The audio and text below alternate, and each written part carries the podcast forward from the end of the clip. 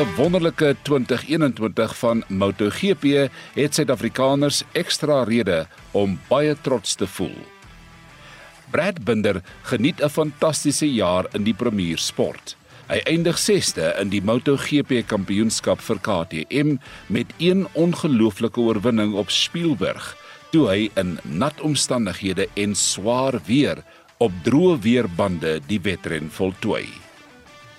Sy broer Darren Binder word opgegradeer uit die ligte kategorie na die premierklas met Yamaha in 2022 met die opsie om aan te bly tot in 2023. Dit gebaseer op die jongman se waghalsigheid op 'n motorfiets. Hy eindig 7de in die kampioenskap. Hy geniet 2 podiums in 2021 en in sy loopbaan 6 podiumposisies. En weg van MotoGP het Suid-Afrikaners nog rede om te spog. Steven Odendal van Johannesburg gee 'n groot tree op die wêreldverhoog van superbike racing. In die SBK Kampioenskap, die afdeling Supersport 600. Steven Odendal behaal 5 oorwinnings en het die kampioenskap verskeie kere gelei vanjaar. Maar nuus is dat Stevo en sy span Evan Brothers World SSP Yamaha se paai gaan skei want hy soek na 'n nuwe uitdaging. Sy span eindig naas wenners in die kategorie en hy ook tweede beste in die kompetisie. Maar Odendal sê hy is deur verskeie spanne genader vir volgende jaar, maar die aanbod van die FIM WEC is so aantreklik dat hy dit nie van die hand kan wys nie. Dit beteken eenvoudig die internasionale motorfietsfederasie se uithou wedrenreeks gelykstaande aan die tipe wedrenne soos die Le Mans 24 ure vir motors. So Steven Odendal is verlore vir normale Grand Prix motorfietswedrenne, maar dit beteken nie hy gee 'n tree agteruit nie. Dis slegs 'n parallelle tree na ander kategorie nie in dieselfde media fokus as waar hy nou tans deelneem nie, onderstreep die status van Suid-Afrikaanse motorsport en talent.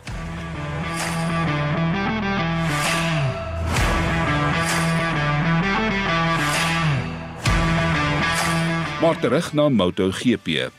Wat 'n besondere jaar het ons nie gesien nie. Ducati kraai koning En as ons deur die MotoGP koerant opskrifte blaai, is dit Ducati dominates Musano, Ducati dominates Austria, Ducati dominates Valencia, Ducati dominates Portimao. En so gaan die storie aan. Maar tog, aan die einde van die jaar op 14 November 2021, verskyn die naam van wêreldkampioen Fabio Quartararo op die rug van 'n Monster Yamaha. En die vraag is, Hoe het Fabio dit vermag? Kom ons kyk na die finale puntestand. Fabio Quartararo Monster Yamaha 278 punte. Francesco Bagnaia Ducati 252 punte. Joan Mir Suzuki X-Star 208 punte, drie verskillende vervaardigers. Jack Miller Ducati 181. Johan Zarco Pramac Ducati 173, Brad Binder Red Bull KTM 151, Marc Marquez Repsol Honda 142, Aleix Espargaro Aprilia Gresini 120, Jorge Martin Pramac Ducati 111, Maverick Vinales Monster Yamaha Aprilia Gresini 106. Nou word jy twee spanne Die rede waarom Maverick Vinales twee spanne verteenwoordig, is oor die probleem wat ons die jaar gehad het toe sy kontrak deur Yamaha herroep is omdat hy ontoelaatbare taktik gebruik het. Hy is toe deur Aprilia kontrak aangebied. Wat egter teen Ducati tel, is dat hulle nie so suksesvolle eerste helfte van die seisoen beleef het nie. Indien Francesco Bagnaia die 143 punte wat hy oor die laaste Grand Prix verower het, ook in die eerste 9 behaal het, het hy die jaar gemaklik gewen. Die jong Italiaaner het 116 punte uit die beskikbare 125 opgeraap in die laaste paar wedrenne. Nog 'n Ducati renjaer wat ook byna 'n perfekte laaste paar wedrenne beleef het, is die nuweling Enea Bastianini Bastianini het met 5 plekke geklim in die kampioenskap van 16de tot 11de. Nog 'n renjaer wat 'n massiewe stygings op die kampioenskapspunte leer gemaak het, is nog 'n nuweling, die Spanjaard Jorge Martin. Hy het met 9 plekke geklim in die laaste helfte van die seisoen. En dan nog 'n renjaer wat baie agteruit gegaan het in die tweede helfte van die seisoen, is KTM renjaer Miguel Oliveira. Hy is verbygesteek deur sy Suid-Afrikaanse spanmaat Brad Binder.